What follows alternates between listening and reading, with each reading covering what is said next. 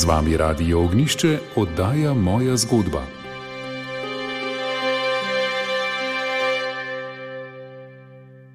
Dobro večer, drage poslušalke in dragi poslušalci, oddaji moja zgodba.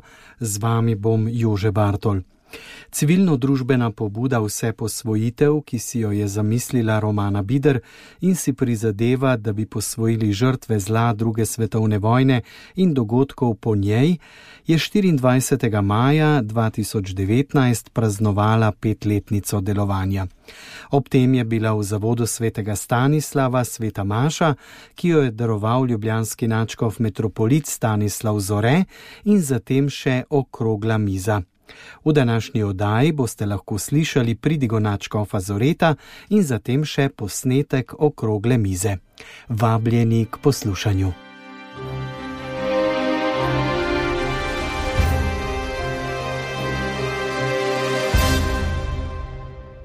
Zbrali smo se pri sveti Maši o peti obletnici pobude za vse posvojitev žrtev zla med drugo svetovno vojno in po njej. Kraj, ki ste ga izbrali za to srečanje, je zelo zgovoren. Smo v stavbi, ki je bila zgrajena zato, da bi se v njej vzgajali in izobraževali mladi fantje, da bi mogli v primernem času prevzeti odgovornosti v cerkvi kot duhovniki in v družbi kot odlično izobraženi ljudje, ki bi z velikim znanjem in srčno kulturo razbirali znamenja časa in na nje odgovarjali v duhu evangelija in izročila katoliške cerkve. Ko je Škof Jeglič leta 1901. blagoslavljal temeljni kamen zgradbe, je dejal, da je to temeljni kamen poslopja, ki naj daje mladeničem krepost in znanje.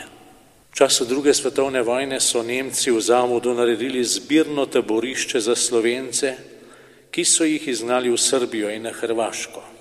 Ob koncu druge svetovne vojne je zavod zasedla Ozna in iz njega naredila največje koncentracijsko uničevalno taborišče, odkudar so žrtve vodili na različne kraje pomorov, mnogim pa so življenje vzeli kar v prostorih tega zavoda.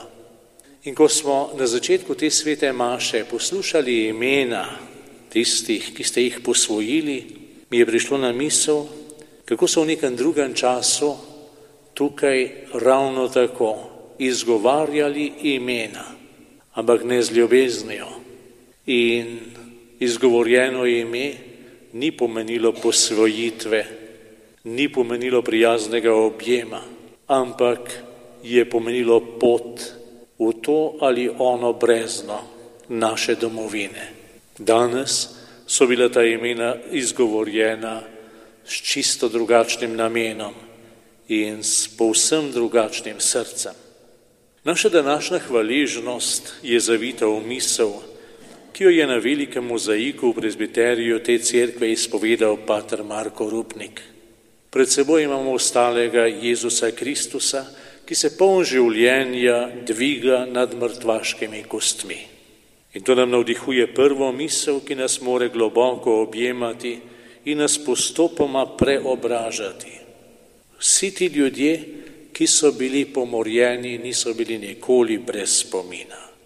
Vsak izmed njih je bil navzoč v božjem spominu in vsak, ki ga objema božji spomin, je živ, kako je polno življenja okoli Kristusa na tej podobi. V vseh krivično in okrutno pomorjenih se je že uresničila misel, ki jo molimo ob spominu rajnih v tretji euharistični molitvi pri Maši. Tedaj boš otrl vsako solzo z naših oči, ker bomo tebe, svojega Boga, gledali, kakršen si. Solze teh so obrisane, v njihovih očeh je obličje usmiljenega očeta. Morajo pa svoje mesto dobivati in ohranjati tudi v našem spominu, ne toliko zaradi njih, kakor zaradi nas. Brez spomina na nje ostajamo uropani za del naše preteklosti, za del nas samih, del našega naroda, del naše cerkve. Samo spomin na nje lahko začne celiti to rano, ki je ostaja živa in se vsako toliko časa zagnoji, da nas opozori nase. Zaceljena bo takrat, ko si jih bomo vsi, čisto vsi spominjali spoštovanje. Takrat, ko jih nekaterim ne bo treba obmetavati z izdajalci in sodelavci okupatorja, da bi si olajšali breme vesti, ki ostaja težka, čeprav jo skušajo uspavati z ideološkimi obliži. In takrat, ko se jih bomo tudi drugi spominjali spokojno in hvaležno, ne da bi se v srcu budila jeza in morda klic po božji kazni. In zato se zahvaljujem za pobudo vse posvojitve, ki je nastala pred petimi leti in na različne načine zaživela v obnebjih božjega in našega spominjanja. Na poseben način sem hvaležen za širino, ki je v ideji te vse posvojitve. Osebna posvojitev žrtev zla med drugo svetovno vojno in po njej. V besedi žrtve samodejno pomislimo na pomorjene, a v globini skrivnosti človeka, kdo je večja žrtev? Tisti, ki je umrl in ostal v svoji smrti neomadeževan in neobremenjen položen v božje dlani, ali tisti, ki je bil morda zaveden, morda prisiljen, morda pijan od prenapetega časa in prenapetih ljudi in si je omadeževal roke in srce s krvjo svojega bližnjega. Prvega se zlo ni dotaknilo, čeprav je zaradi zla umrl, drugega je zlo prepletlo. V njegovem življenju je postalo zahrten zajedalec, ki je sesal njegovo človečnost in življenje. Prvi niso nikoli pogrešali molitve, čeprav je morala molitev ostati skrita in spomin pritajen. Za druge, kdo pa je molil, kdo moli za druge. Če mi ne bomo molili tudi za nje, bodo prikrajšani za molitev. Zato se mi že vse od ideje o vse posvojitvi, mota po glavi in srcu misel, da moram s posvojitvijo umorjenega na nek način posvojiti tudi tistega, ki ga je umoril.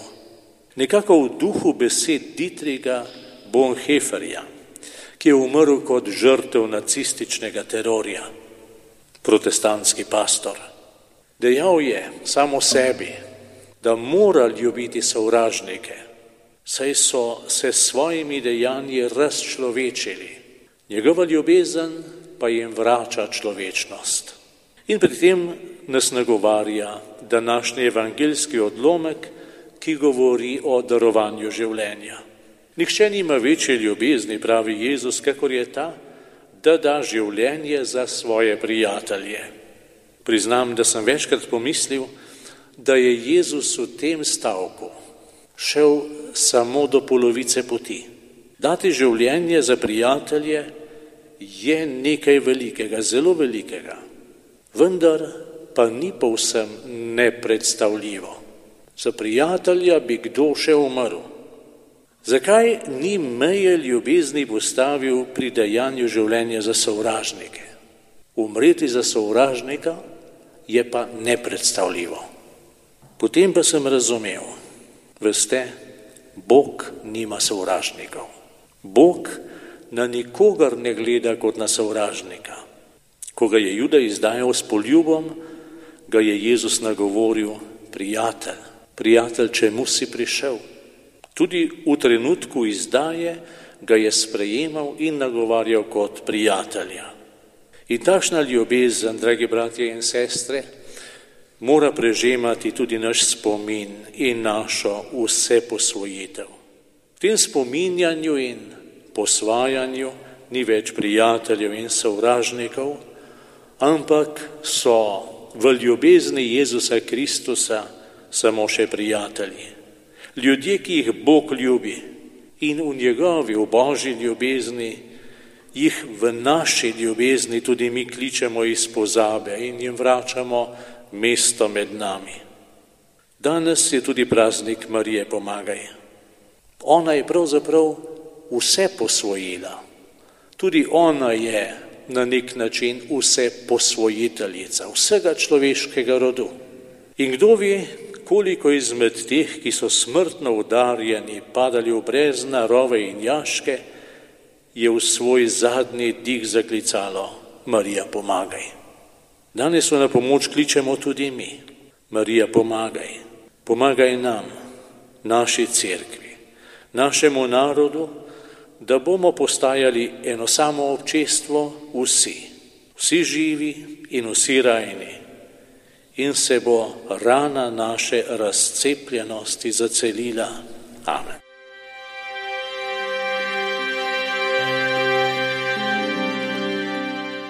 Poslušate oddajo Moja zgodba na Radiu Ognišče.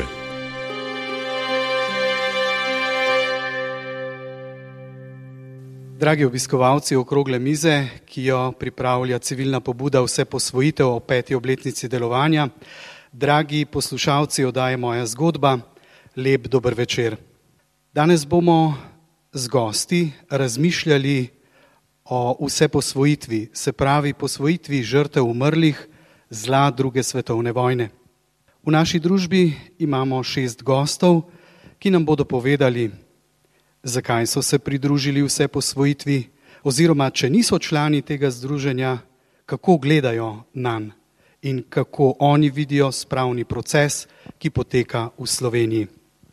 Z nami so akademik dr. Janez Juhant, zatem Peter Hribar, nečak Rada in Ksenje Hribar, dvojna doktorica Marija Stanonik, zakonca Hudnik, Alois in Olga, in Anton Tomažič, sicer pravnik, informatik, nekdani poslanec.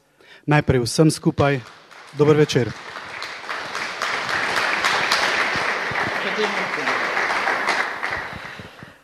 Začeli bomo z dr.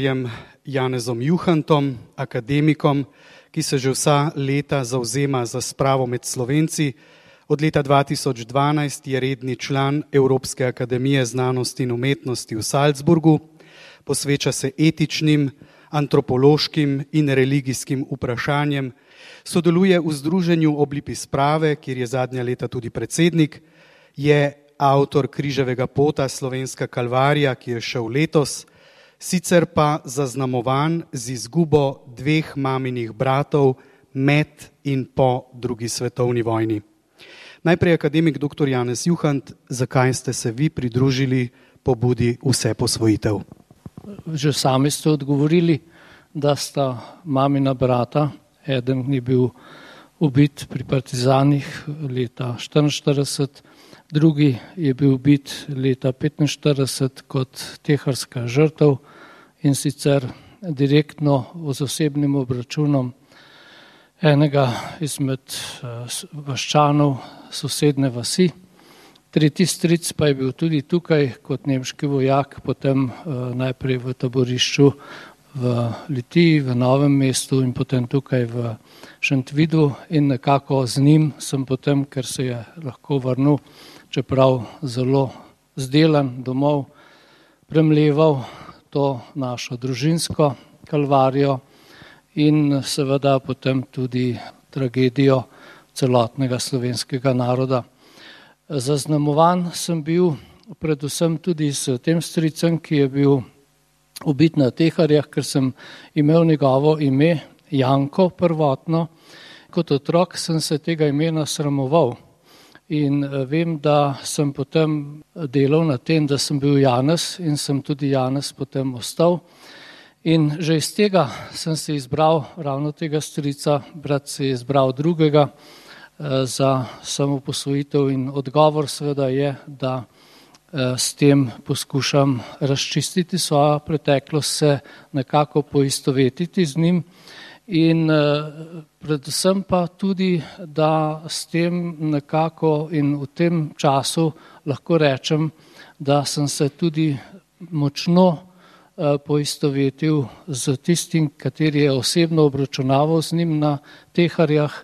Že ob prihodu ga je s puškinim kopitom popolnoma pobil na tla in potem kasneje, kot je pričal, ko sem bil še razmeroma deček, nekdo, ki je bil soudeleženec in je prišel s tehari, mi je povedal, da je potem ta sam obračunal z njim. s časoma, ko molim za svoja strica in za vse druge, seveda vedno bolj molim tudi za tega in to, kar je rekel Načkov pri današnji maši, mislim, da je vodilo tega našega molitvenega delovanja, prizadevanja. Oba sta pa bila tudi Janeza in tudi drugi, ta, ki je bil Rabel, je bil tudi Janez, sicer visok funkcionar udbe in potem tudi vojaški oficir. Oba Janeza sta vedno bolj in nekako tudi vsak dan pri mojih molitvah, tako zjutraj pri brevirju in tudi zvečer pri brevirju prisotna in mislim, da je to pot, ki jo moramo iskati, da bi se spravili. Akademik Juhant, v zadnjih letih se zelo ukvarjate s pravnim procesom v Sloveniji.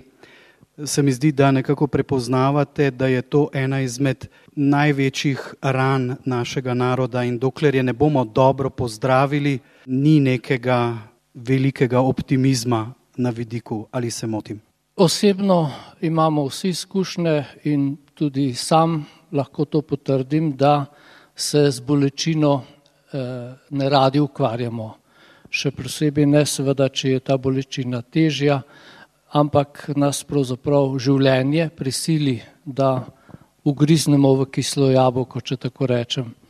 In zato eh, je seveda tudi spravni proces pri posameznikih, kakor pa seveda tudi še bolj pa pri celotnem narodu zahtevna pot. Eh, menim pa, da je izjemno pomembno, da ostanemo prisebni, čeprav eh, te prisebnosti morda včasih ni tako opaziti v različnih dejavnostih, ki jih imam recimo tudi kot svetnik na RTV, Eh, vidim, da eh, je pravzaprav ta zgodba zelo zapletena in da se zaradi poenostavitev življenja in tudi veliko krat eh, ponavljanja zelo preprostih življenjskih vzorcev, bodi si osebno, bodi si potem družbeno, politično, ljudje zatekajo ali tudi zatekamo k poenostavitvam Eh, zato pa menim, da je naloga tistih, ki vidimo to, ki doživljamo to, ki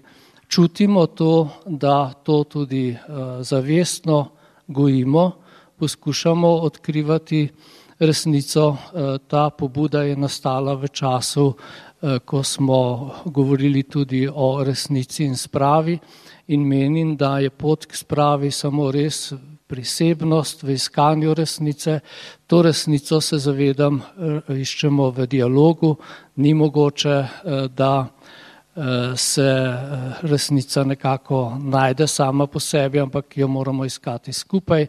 In ta priseben dialog je veliko krat zelo zahteven, ker so razdalje še vedno med posamezniki, med skupinami v našem narodu velike ampak eh, tisti, ki vsaj malo čutimo, da je to pot, ki imamo po mojem tudi inspiracijo ali pomoč v veri, eh, smo toliko bolj dolžni, da ustrajamo na tej poti, ne glede na rezultate. Menim pa, da so rezultati tisti, ki so seveda v mrsičem skriti, ki segajo globlje, ki posegajo na področje eh, blagoslava, milosti, upanja, vire, eh, ki pa odpirajo razsežnosti, ki so pravzaprav najbolj temeljne človeške in zato seveda tudi ne dosegljive na prvi gib roke. Še eno vprašanje, kako vi vidite, kakšna je pot sprave v prihodnje? Namreč zdi se, da se ideološki boj namesto da bi se umirjal, zaostruje? Glejte, eh, za preživetje eh, se veliko krat poenostavlja naše življenje. Ampak vsi se zavedamo in jaz osebno čutim in imam tudi eh, v tem času, pa tudi nekaj let imam že za sabo potrditev, da ljudje zelo dobro razumemo, zakaj gre da se seveda veliko krat sprenevedamo ali se eni bolj, drugi manj sprenevedamo ali sprenevedajo, je tudi sestavni del teh procesov. da včasih takšno prizadevanje izgleda glas upijočega v puščavi, kakor sem že večkrat rekel, bodi si javno, kakor tudi eh, v osebnih pogovorih, ampak kljub temu verjamem, da eh, ta pot gre v to smer, Eh, da ta sprava seveda ne bo v tem smislu, da bomo rekli, zdaj pa zadeva končana, ampak da je to pot, ki je zelo tesno povezana pa s tistim, kar vsi hočemo, to se pravi z demokracijo, z pravno državo, z človekovimi pravicami in zato seveda ni to, kakor je včasih tudi kdo reče, samo naloga kristijanov, ker pač imamo to globle uvide, ker imamo vero, ker smo mogoče tudi zaradi tega dolžni mogoče sprejeti več, ker nam je tudi ta milost dana. Ampak je to naloga nas vseh. To je naloga demokracije, to je naloga pravne države, to je naloga politične skupnosti, ki hoče sobivanje in zato seveda verjamem, da dolgoročno gremo po tej poti. Hvala lepa, dr. Juhant.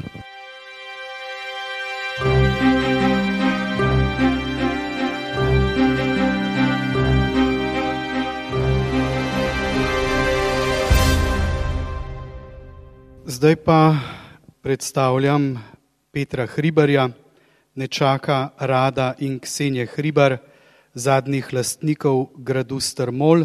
Vedno ste si želeli, gospod Peter, da bi oprali krivde, kar vam je po več letih brskanja po arhivih, pregledovanja policijskih zapisnikov, srečevanj s pričami in rekonstruiranja dogodkov tudi uspelo, saj ste dosegli njuno popolno rehabilitacijo.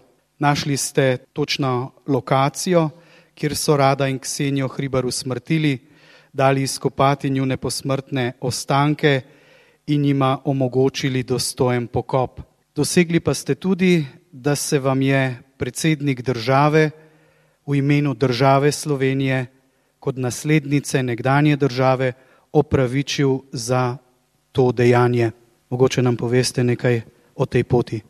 Ta pot je bila dolga približno 15 let, kajti ta proces se je sprožil nekje tam v 90-ih letih, torej ko smo dosegli svojo samosvojitev, ko je pravzaprav sploh nastopila prilika ali pa so se ustvarile razmere v družbi, da smo lahko začeli hoditi po tej poti. Lahko vam povem iz osebne izkušnje, da ni bilo lahko, ker odpor je bil silovit, verjetno zaradi tega, ker je Rado Hribar v svojem času pač predstavljal tisto, kar je predstavljal. In oblastem ali oblastnikom iz prejšnjega obdobja ni posebno pasalo, da bi se te zgodbe odkrivale. Doseglo se je njuno popolno oprostitev. Ključno je bilo za mene to, da sta pred Bogom in pred oblastjo, kot se reče, oprana, da sta njuni imeni čisti. To smo pač dosegli, vse ostalo je neke vrste spominski, rutinski postopek, recimo temu izkopavanje, recimo temu pogreb in tako naprej. Vprašanje, ki ste mi ga zastavili, gospod Jože, torej, kar se tiče oprostitve, je pa takole. Jaz odkrito priznam, da o tem sploh nisem razmišljal. Enostavno mi ni prišlo na pamet, še celo prej nasprotno. Rekl bi, da je rasla jeza, jeza na določene ljudi, nekaj je bilo še živih, zdaj so vsi pokojni.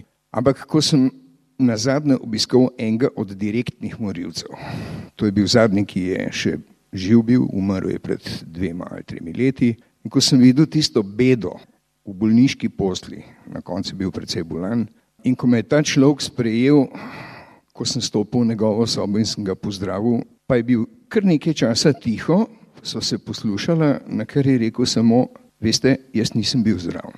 S tem je priznal, da je bil zraven. Ne? Pač informacije, ki sem jih imel, so bile nedvoumne in ni bilo nobenega dvoma, ampak ko sem jaz potem odhajal od njega, sem začel malo premišljati.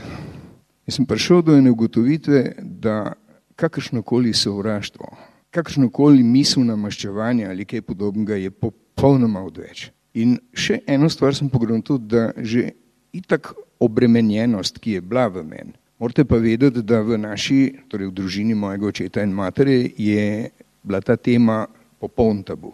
Mi smo sicer vedeli, da je tam nekje na Gorjenskem en grad, da je govorim za otroke, da sta obstojna stric in teta, ki so jo ubili in to je bilo vse. Resnično se nikoli nismo pogovarjali o teh stvarih, tako da sem jaz prav, pravzaprav šele potem moral kopati, kakšne so bile te relacije med očetom in med stricem in podobne stvari. No, kakorkoli. Na sam izkop niti nisem bil posebno pripravljen, niti se nisem hotel nič pripravljati. Jaz sem takrat prvič doživel nekaj takega v življenju, ampak vam pa odkrito povem, da dokler nismo odgrnili zemlje toliko, da ste se pokazali v belu bajni, pa hrbtenice, pa tako naprej, sem bil inerten. Dobro, pač dogaja se nekaj, kar sicer poznaš, ampak ko sem pa tisto zagledal, takrat se je pa zlomil. In ne vem kako, mislim, da je bilo to isti dan, ko se spomnim, so me poklicali z televizije, če bi bil pripravljen, bil gost v odmevih. Jaz sem pristal, zakaj pa ne. Zdaj tisti, ki ste to gledali, pač spomnite se verjetno, kako je tisti razgovor tekel. Najbolj zanimivo je bilo pa nekaj. V tistem hipu, ko smo mi dva zaključovala ta pogovor, ne vem, ne znam vam opisati, kaj se je zgodilo v meni, ne znam. Res, resnično ne sprašujte me, ampak samo po sebi je spontano prišlo tisto opravičilo neposrednim storilcem. To se pravi tistim desetim partizanom, bila je še ena partizanka zraven, ki so si z roke umazali z njuno krvjo. Upravičilo je bilo izrečeno, če se spomnite, sem tudi povedal, da bom zahteval od predsednika države, da se mi upraviči v imenu države. Dva dni po tisti oddaji je šlo pismo na predsedstvo in reakcija je bila takojšna. Torej, predsednik me je povabil na razgovor in čisto na koncu je rekel, da se bo upravičil. Potem je pa stvar stekla, tako kot je stekla. Jaz mislim, da sem za svojega strica in teto naredil pravzaprav največ, kar sem lahko. Gospod Gribar, če se lahko še malce umešam. Kar? Se mi zdi, da ste si potem nekako za svoje poslanstvo naprej izbrali, da boste pa zdaj pomagali, svetovali drugim ljudem, ki se znajdejo v taki situaciji, kot ste se vi. Namreč vi formalno niste, kot vem, član vse posvojitve, ampak vaša naloga je pa, lahko rečem, zelo podobna. Ja, to je pravzaprav čudna stvar, ampak pogledajte, ko človek enkrat pride v pokoj, se zaveda, da je v zadnji tretjini svojega življenja na nek način. Jaz nisem mogel obstati pri miru in moram reči, da sem pravzaprav zelo velik svojih sil posvečal nadaljevanju te zgodbe, namreč Zakaj? Iz dveh razlogov. Prvič, ker si ne morete predstavljati, kakšno olajšanje je to v človeku. Ko ugotovi, da je pravzaprav na koncu koncev premagal vse tiste, ki so mu naredili zlo. To je prvo. In drugo, čist preprosto zato, ker vidim, da nas je pravzaprav zelo malo, ki smo sprejeli leta 45 ta rugzak eh, tega prekletstva, eh, torej nesoglasja v narodu in vsega tega, kar se je dogajalo. Jaz živim že 44 let na deželi, živim v Cerknici, bil sem terenski veterinar in sem do dobro spoznal notransko in njene ljudi. Kaj se je tam dogajalo, pa približno veste. In čisto enostavno sem si zadal za nalogo, da je to pač tisto, kar hočemo v življenju še početi. Razbremeniti naše mlajše rodove tega prekletstva. Ker si ne morete misliti, ko srečaš danes 20 let starega fanta, ki je tako poln sovraštva, ampak tako poln pa ni važna stran, da, da te dobesedno zaskrbi, ker si misliš, kaj se bo zgodilo, če se jutri kaj ta zgale ponovi, kar je bilo med drugo svetovno vojno. Torej, to je to. Čisto konkretno je pa pravzaprav glavni motiv, glavno tisto vzpodbudilo v meni je bilo pa teden kasneje po izre, izreku mojega upravičila storilcem, ko sem na televiziji gledal zvečer reportažo o izkopu članov družine Hudnik in ko sem videl Lojzove proseče oči, ko je prosil, kdorkoli mi lahko pomaga, kdorkoli karkoli ve ali je pripravljen narediti, naj se mi oglas. In to je pač nekaj, kar sem si vzel za svoje poslanstvo in kle se bom boril naprej. Da resno mislim, se vidi potem, to je zgodba o pokopu Romov iz Iške vasi, ki so bili skupani leta 2017 moram reči, da tu ni umika in ne bom odnehal. Hvala lepa.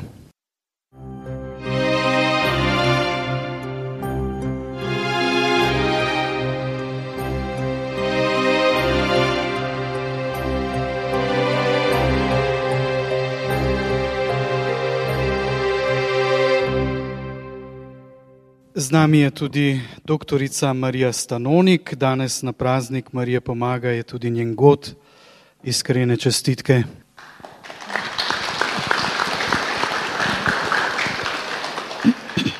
Sicer ste etnologinja, slavistka, doktorica literarnih znanosti in doktorica teologije, izredna članica Slovenske akademije znanosti in umetnosti.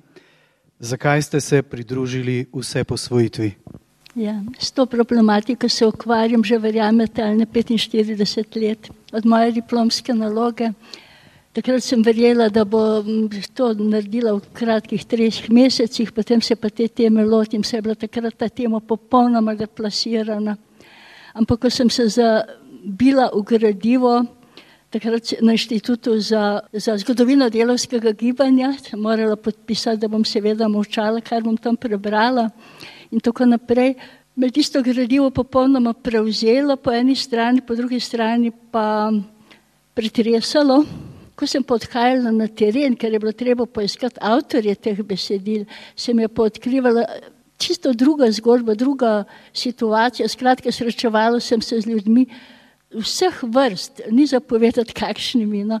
Domov sem prihajala uničena do konca, od vseh zgodb, ki sem jih slišala, seveda takrat samo z ene strani, da se razumemo, dolga, dolga leta, pa za diplomsko v tistem času, to se pravi od leta 1972 naprej. Po drugi strani sem pa tudi hotela slišati in verjela, da je druga stran podobna, podobna enako, podobno, kako naj temu rečem. Skratka, potem sem doživljala na fakulteti prav zaradi te teme stvari, ko, ampak sem šla diplo, eh, doktorirati s to temo v Zagreb, ne sprašujte zakaj. In sem se čutila vedno bolj dolžno, nekako dolžno, da s to temo nadaljujem z vseh strani. In največje presenečenje je bilo, ko sem se lotila tudi eh, teme eh, slovenskih vojakov v nemški vojski, ko je tisti, ki mi je najbolj nasprotoval, da se tega lotevam, na koncu priznal, da je tudi sam pisal pesmi, pa kakršne koli že, da se razumemo. In tiste pesmi so locirane po celi Evropi, od juga do ledenega morja in nekatere so pa zelo, zelo dobre. Uh, naprimer, ne morem pozabiti pesmi na ladji Oldenburg, ko je napisal Koroški slovenec tam v, le, v ledenem morju, na ladji v ledenem morju. Uh, te pesmi, da se vrnem k tematiki, uh, partizanske najprej, so ene uh, zelo dobre, tiste intimne, ki so jih skrivali, ki jim pravzaprav niso jih smeli dati v javnost oziroma so bili uh, kregani, če so, če so eh, z njimi prihajali na dan, prihajali na dan zato, ker so bile uh, marsikdaj eh, depresivne, žalostne, potrte. Skratka, ni bilo tistega zapovedanega junaštva v njih, kot, uh, kot je bilo uh, nujno za to stran. Potem sem se čutila dolžno, če že to stran obdelam, da moram tudi slovenske vojake v italijanski vojski, pa slovence pod fašizmom, tam je bilo pretresljivo to, ker eh, se je videlo, kako ne znajo več pisati slovensko, ker ni bilo šol, ker so bile prepovedane in eh, so bile tudi oblikovno nebogljena besedilca, včasih pa prav zaradi te nebogljenosti izredno močna. Kako prideva potem do vse posvojitve? Ja, seveda. In potem se mi je zdelo normalno, da družim eh, romanini eh, ideji, zamisli, ker uh, ko sem pisala dizertacijo, se moram reči, da sem ponosna, da nisem enkrat napisala izdajalec. Nikoli ne zmeraj sem napisala nasprotniki OF. In to, sem, in to v tistem času, ko je bilo to kar tako, tja ven dan smo govorili take reči. Ampak je, meni je bilo to tako grozno, slišati, skratka, operirati, da, da, da sem se temu, skratka, nikakor ne, kot mi je bilo na drugi strani groza, že od otroštva, to pa tudi lahko povem, slišati revolucijo. To je bilo za me tako nekaj grozljivega, ampak v tem primeru, eh, ko sem pač s takim gradivom takrat operirala, eh, sem jo sem pa tja napisala, ampak eh, sem se temu pojmu zelo umikala. No. Varuhinja strica Toneta ste. Ja, ja, to pa zato. Pri Atu je bilo 12 otrok, sem prav prej premišljala. Eden od teh ni hotel biti na nobeni strani in je zbežal na Koroško in potem v Združene države Amerike. Drugi stric eh, je bil eh, najprej v jugoslovanski vojski, potem je, kot vemo, propadla. Je šel je tudi na Koroško in eh, tam je pa dobil poziv za nemško vojsko, pa se ni hotel priključiti. Potem je zbežal uh, nazaj v rojstni kraj, tam so ga seveda zajeli partizani, se jim je priključil, je bil ranjen, ga je zdravljena um, znana um, zdravnica Drina, potem je bil kot partizan zajet in je bil v taborišču v Nemčiji in tako naprej. Skratka, stric Tone je bil pa partizan in se ni vedelo, kje je pokopan, nekje dol na Dolenskem, kje, pojma nimam. Ampak meni je bilo tako dobrodošlo, ker mislim, da ne bi, če ne bi bilo te pobude vse posvojitve, eh, potem, ko sem zvedela, kaj se je napravilo z, eh, z seznamom vseh žrtev, videti, da je želak Barič, mislim, da je prav, da je tukaj omenjeno in tokrat. Sem tako enkrat je šlo vprašati, ali bi pa tudi se to dalo kaj poizvedeti in reklo, ja, zakaj pa ne poskusite. In potem se mi je začelo kar odpirati, kar luščiti, tako da zdaj eh, vemo, eh, bil je v še zdaj ne vem zakaj, kot Gorenc v Gupčevi brigadi. In sem potem šla prav podrobno tisto njegovo enoto izslediti, kaj vse je prestal tiste pol leta kot partizan in padel, enkrat piše na Silvestrovo, drugič 30. Eh, decembra 1943, bil je najprej ranjen v Ruperč vrhu, potem so ga eh, dali v eh, vozni koš in ga peljali do ne vem kje, kjer je umrl in pokopan je po skupnem grobu v Jurna vasi. In sem zelo uh, hvaležna, da je še stric, ta, kot sem rekla, da je bil ranjen in tako naprej, 95 let, da smo ga še peljali uh, k njegovemu grobu, tega njegovega brata, prvič in edini krat. No. Se mi zdi, da sem. Občutek je bil dober. In mislim, da je vsem bilo tako lepo, no, skratka, da sem nekaj naredila tudi za rodbinsko zgodovino, ne samo za širšo. Hvala lepa.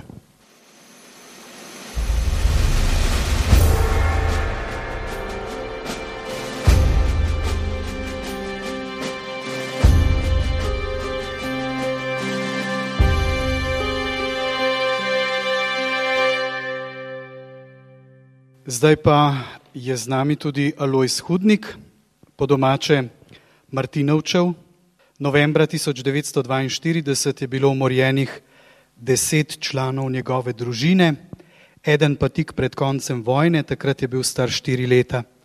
Umorili so mu vso družino, razen leto dni mlajše sestre Marije Veronike. 23. marca 2015 je arheološka ekipa odkrivala posmrtne ostanke sedmih umorjenih članov v skriti globači v Pohograjskih dolomitih, no oče, ki je bil po vojni razglašen za narodnega izdajalca, je bil sklepom okrožnega sodišča v Ljubljani januarja 2018 v celoti rehabilitiran. In maja 2018 je bila v delu objavljena osmrtnica družine Hudnik, brat in sestra Alois in Marija Vera sta zapisala, vsem tistim, ki so si usodnega 24. novembra v dolgem grabnu s krvjo Martinovčevih enajstih povsem nedolžnih žrtev umazali roke in vest odpuščava storjeno dejanje in prosiva tudi tebe, ljubi Bog, odpusti. Gospod Alois, kakšna je bila pot, da ste našli svoje domače? Sem Alois Hudnik, rojen 30.12.1938 na selu, izpada pod vas Hruševo v občini Dobrova. V družini nas je bilo deset članov družine. Imam še starejšo se, leto starejšo sestro. Spomnim se, oziroma predstavljam si, nekaj si spomnim, kaj si predstavljam, nekaj so mi ljudje povedali. Tistega zadnjega srečnega večera v najni mladosti, ko smo, ko smo bila s svojimi člani družina pri zadnji večerji, Ja, bili smo. In zanimivo, tudi nas je bilo 12. Naslednji dan pride zjutraj zgodaj partizanska vojska, začnejo eh, ljudi od, odganjati od doma, kot so rekli, eh, sosedje, najprej ženske, potem zvečer moške. Spomnim se še mame pri zglavju v posteli, v spalnici. To je bilo verjetno tisto jutro, ko se je pa nam začela katastrofa. Da sem pobebnil k mami, spomnim se jo ko, in imam občutek, da sva te, se takrat poslavljala. Videl nisem, zakaj se gre. Potem se jo spomnim, verjetno še isti dan, za pečjo na, na krušni peči na klopi, je pa tam ležala, pa polno, polna soba, kmečka soba je bila ljudi. Jaz čakam, gledam, da imamo in je, mislim, da spi. Sam nisem dočakal, da bi se zbudila. Pripeljan je bil nazaj tudi oče, da se je poslal od mame, potem partizani očeta odpeljajo za njim, tam približno 60 metrov do kozavca. Uklepal sem se ga, hotel sem z njim, pa me je partizan s puškim kopitom odinil v travo in to je bilo slovo še od očeta. Odšel je, ni ga bilo več, čakal sem ga, morda da se vrnejo, upanje sem imel, da se vrnejo vsi, za, pa za manj.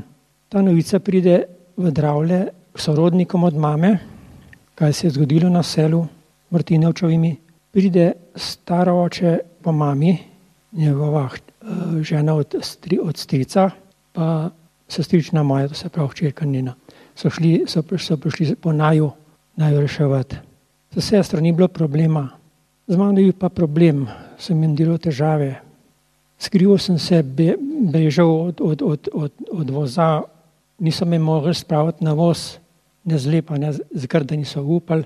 Potem grejo skat tam na bližnji, bližnji, bližnji, v bližini na gospod, pa je prišla k nam, verjetno sta bili z mamo prijatelje, morda me je kdaj popestvala tudi in se je stok zaupal, sem šel še jaz na voz. In tako naj odpeljajo proti uh, Dravljam čez podotiški klanec. Ali je 100 metrov od doma za prvim ovinkom in ta gospa je stopila, šla domov, mene, mene so obdržali na vozimu in me odpeljajo. Potem ste bili pravzaprav celo življenje pri drugih ljudeh, ne pri svojih.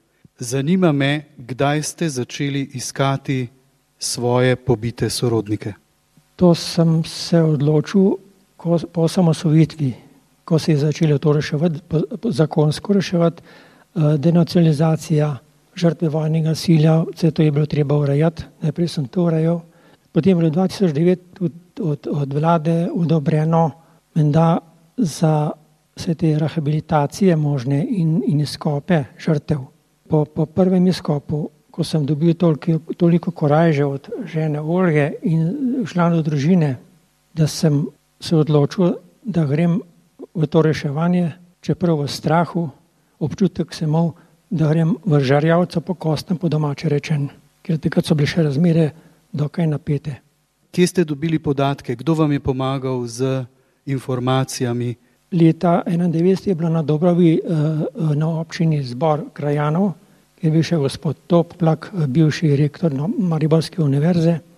On je to predal in potem po končanem sestanku sva z Olgo stopila do njega, ker je bližnji vaščan to se pravi, ti za koncert, kot sem jaz doma, je poznal do, dobro na mojo družino. K njemu se obrneva, pa ga prosva, zdaj je pa čas, da se pove, kje so Martinovčevi pokopani. On je bil pri odboru za v tem kraju za odkrivanje teh zamovčanih grobov. On je se pozanimal, po enem tednu se oglasi, prav našel sem jih. In potem ta, ta, oni bi odboru organizirali so prvo uh, postavitev križa, obeležje za številko 200. To je ta kraj v Dolgem grabnu pri Babni gori. Od takrat potem naprej sem hodil večkrat na leto, sva šla z Olgo, veš, do tega kraja, prižgat svečko, prinašala rože, pa je potem že se to začelo malo po časopisih in, in javno razlagati te zgodbe z vojne in žrtve in vse to okrog tega se je začelo o tem govoriti. Potem sem pa dobil vendar to poguma in korajže, da sem se odločil pod, s podporo družine vse in tudi sestre in pridobil vsa soglasja za izkop posmrtnih ostankov.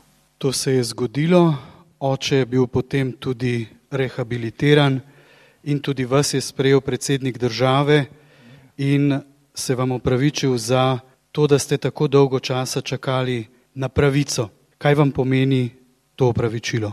To upravičilo mi pomeni zadoščenje, da sem izpolnil dožnost, pravico žrtev biti pokopani, kot se spodobi v blagoslovljeno zemljo. Vrnil sem po 75 letih očeta mami, ki se je vrnil po 75 letih sinu. To je pa obratna zgodba kot izberila, ko se je sin vrnil očetu. Od meni je to vse obratno. In vrnil se ga mami in strice in stete starim staršem. Hvala lepa.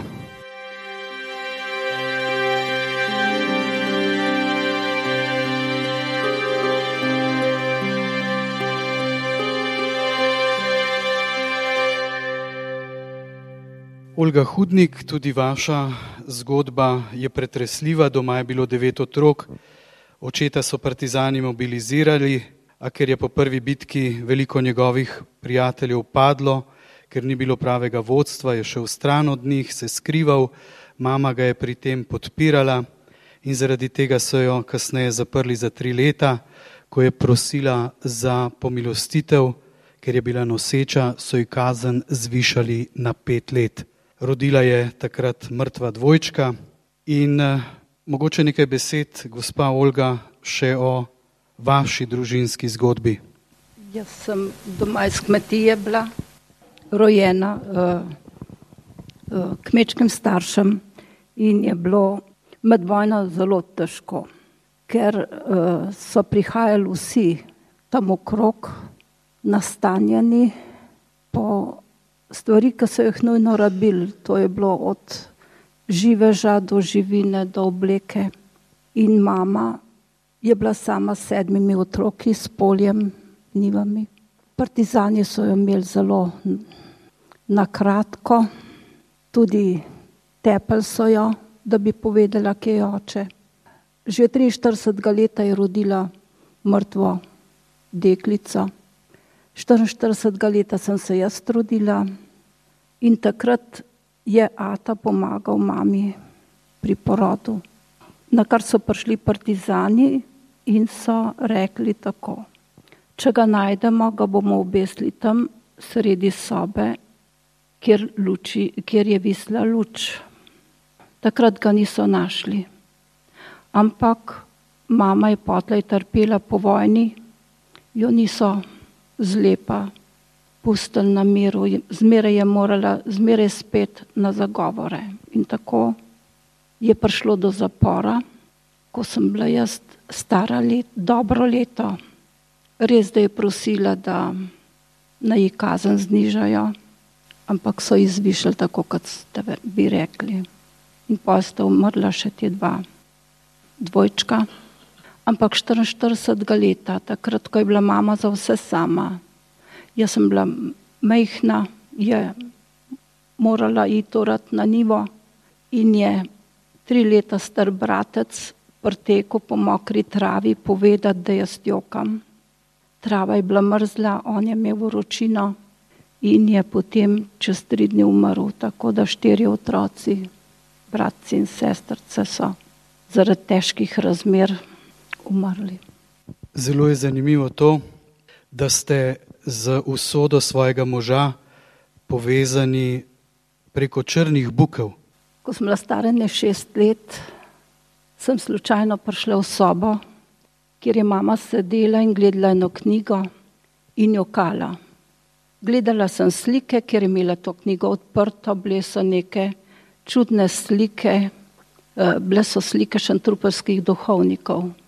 In ko je mama opazila, da jaz to gledam, da sem tako pretresena, je začela listati po knjigi, kaj bi mi pokazala, da ne bi bilo tako hudo. In je odprla na strani, kjer sta Lojzetova oče in mama slikana kot nevesta in ženin in je rekla, poglej, kako sta lepa ženin in nevesta. In je rekla, Bog ve, a sta imela kaj otrok.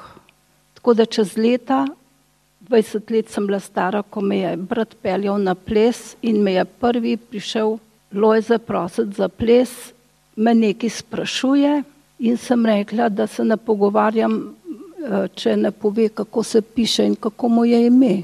In je povedal, meni se je takoj ta slika iz otroških let odprla in sem vedela, s kom govorim. ni potrebno povedati, da tudi z možem Alojzom ni bilo lahko. V pričo njega niste nikoli prebirali pravljic, ker kot otrok ni okusil ljubezni, ni razumel, odkje dobrota in v čem je smisel sožitja v družini. Pravi, da je pri vas dobil duhovno in človeško podporo, da ste bili vi sposobni usmiljenja, ki je najvišja stopnja ljubezni. Mogoče še nekaj o teh si predstavljam, da tudi težkih izkušnjah. Ja, seveda, on je imel težko življenje. Preden mi je dopovedal, da niti imena nima svojega, ker jih je bilo prehiši, so bili štirje franceti, on je bil rojen france in so še imena mu vzeli do tega, da je trdo delal na kmetiji strica, kako bi rekla, neke družinske povezave ni imel nikoli. In uh, je bilo od začetka res težko, ker je bil velikrat jezen. In je bilo treba zjutraj ga učiti odpuščanja, zvečer pa spet. In uh, z leti, z leti je dojel, da tisto trpljenje, ki ga je prestajal v otroških letih, da je dobil smisel, da imajo otrok, otroci lepše, lepše življenje, kot ga je imel on. In to mu je zelo veliko pomenilo. Se pravi, to je bilo kot neka duhovna vaja, učenja, odpuščanja. Ja, nekako tako, ja. Nekako tako. Čeprav moram reči, da meni je bilo to v, kako bi rekla, jaz sem to delala z vsem srcem. Eh, doskrat sem mislila, da videla sem tega otroka, ki je bil brez staršev in sem se čutila dolžna narediti več, kot bi mogoče sicer. Hvala lepa.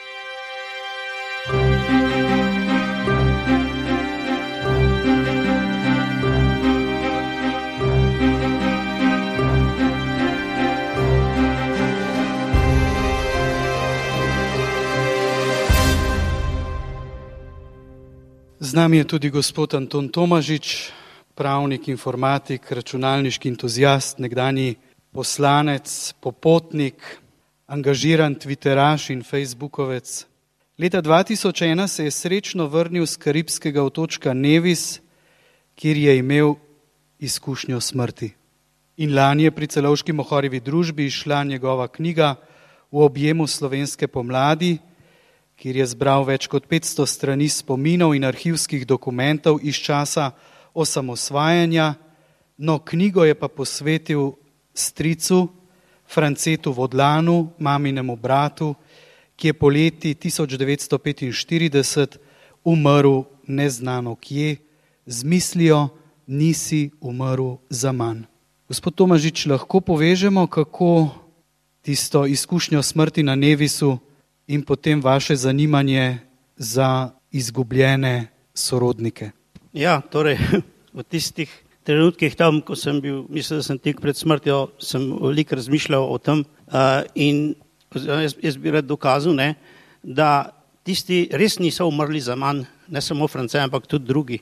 Če France ne bi umrl, jaz ne bi takrat v 80-ih letih še šel disidenta, niti ne bi stopil v politiko, niti ne bi bil izvoljen na demosovi listi, niti ne bi bil poslanec, sem prepričan, in mnogi drugi tudi. In naj še to povem, da med demosovimi kolegi, ki so bili najbolj za samosvojitev, skoraj vsak ima neko zgodbo, če ga potem dobro vprašaš, podobno kot jaz.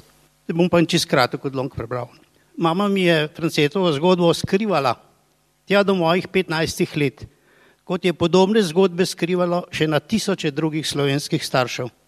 Če bi otroci ne vedeli, kaj od tega povedali v šoli ali med prijatelji, bi lahko ostali zaznamovani in dodatno onemogočeni za vse življenje. Poznam žensko svojih let izvira, ki je mama mojih let. Jaz sem namreč rojen leta 50. No in še to naj povem, da jaz sem mogoče za razliko od predhodnikov, jaz sem, jaz sem posvojil nekoga, ki ga nisem nikoli poznal, ampak sem njegov duhovni naslednik. Ne. Torej ta ženska je rekla, da ji mama ni nič povedala o tem, kdaj, kako in zakaj je bila ubita njena sestra. Vso bolečino je nosila v sebi in logično je, da jo je hčerka veliko krat zalotila, kako se na tihom joče. No, Franceta je imela moja mama še naj, najrajši od vseh šestih bratov.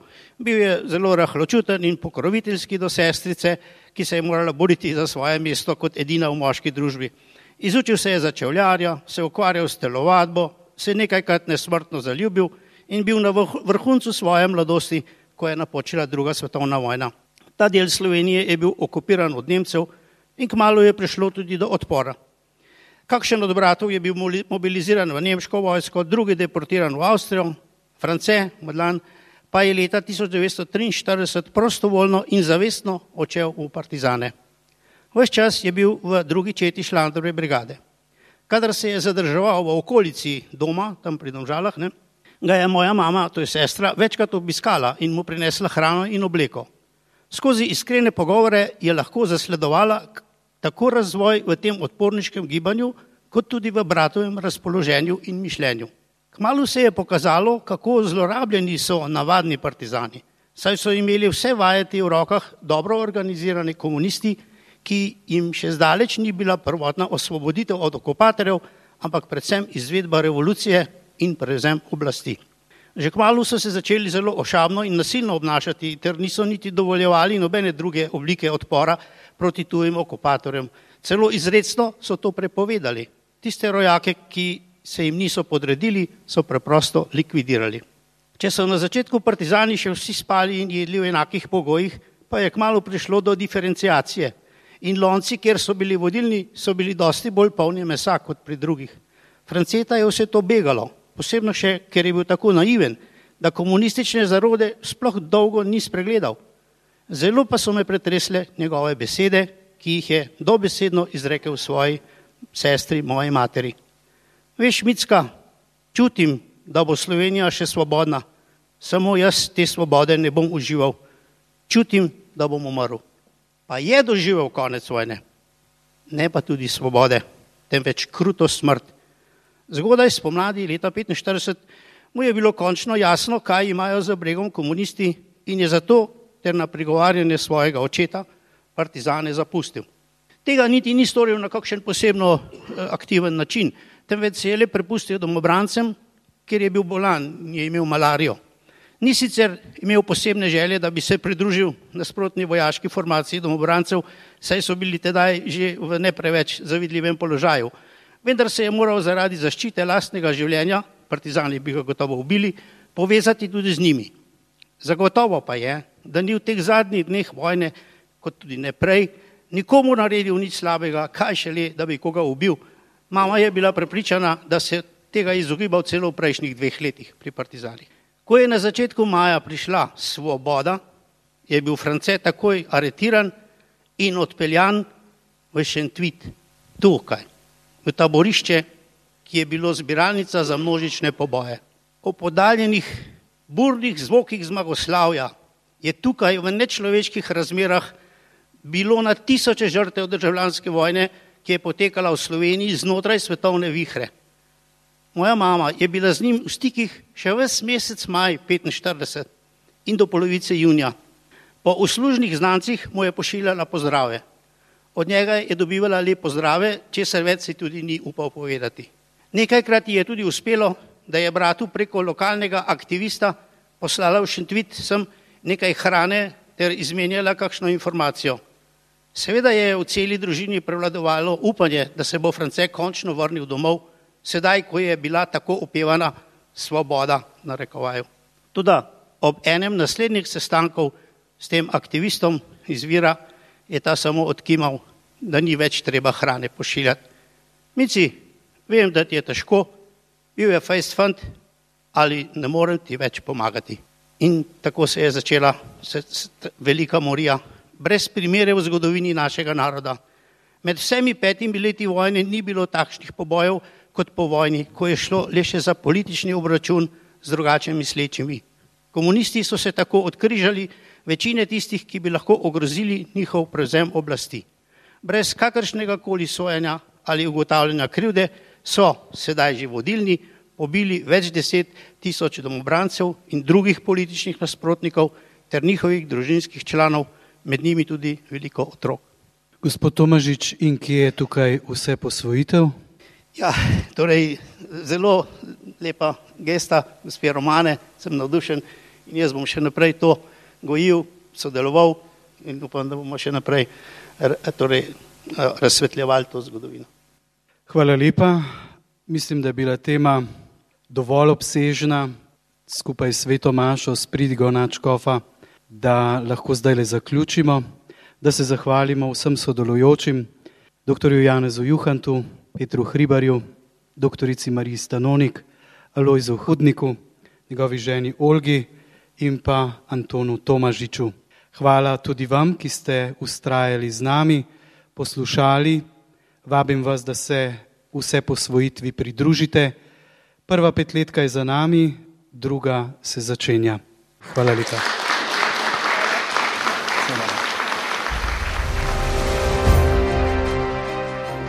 Oddaja Moja zgodba na Radiu Ognišče.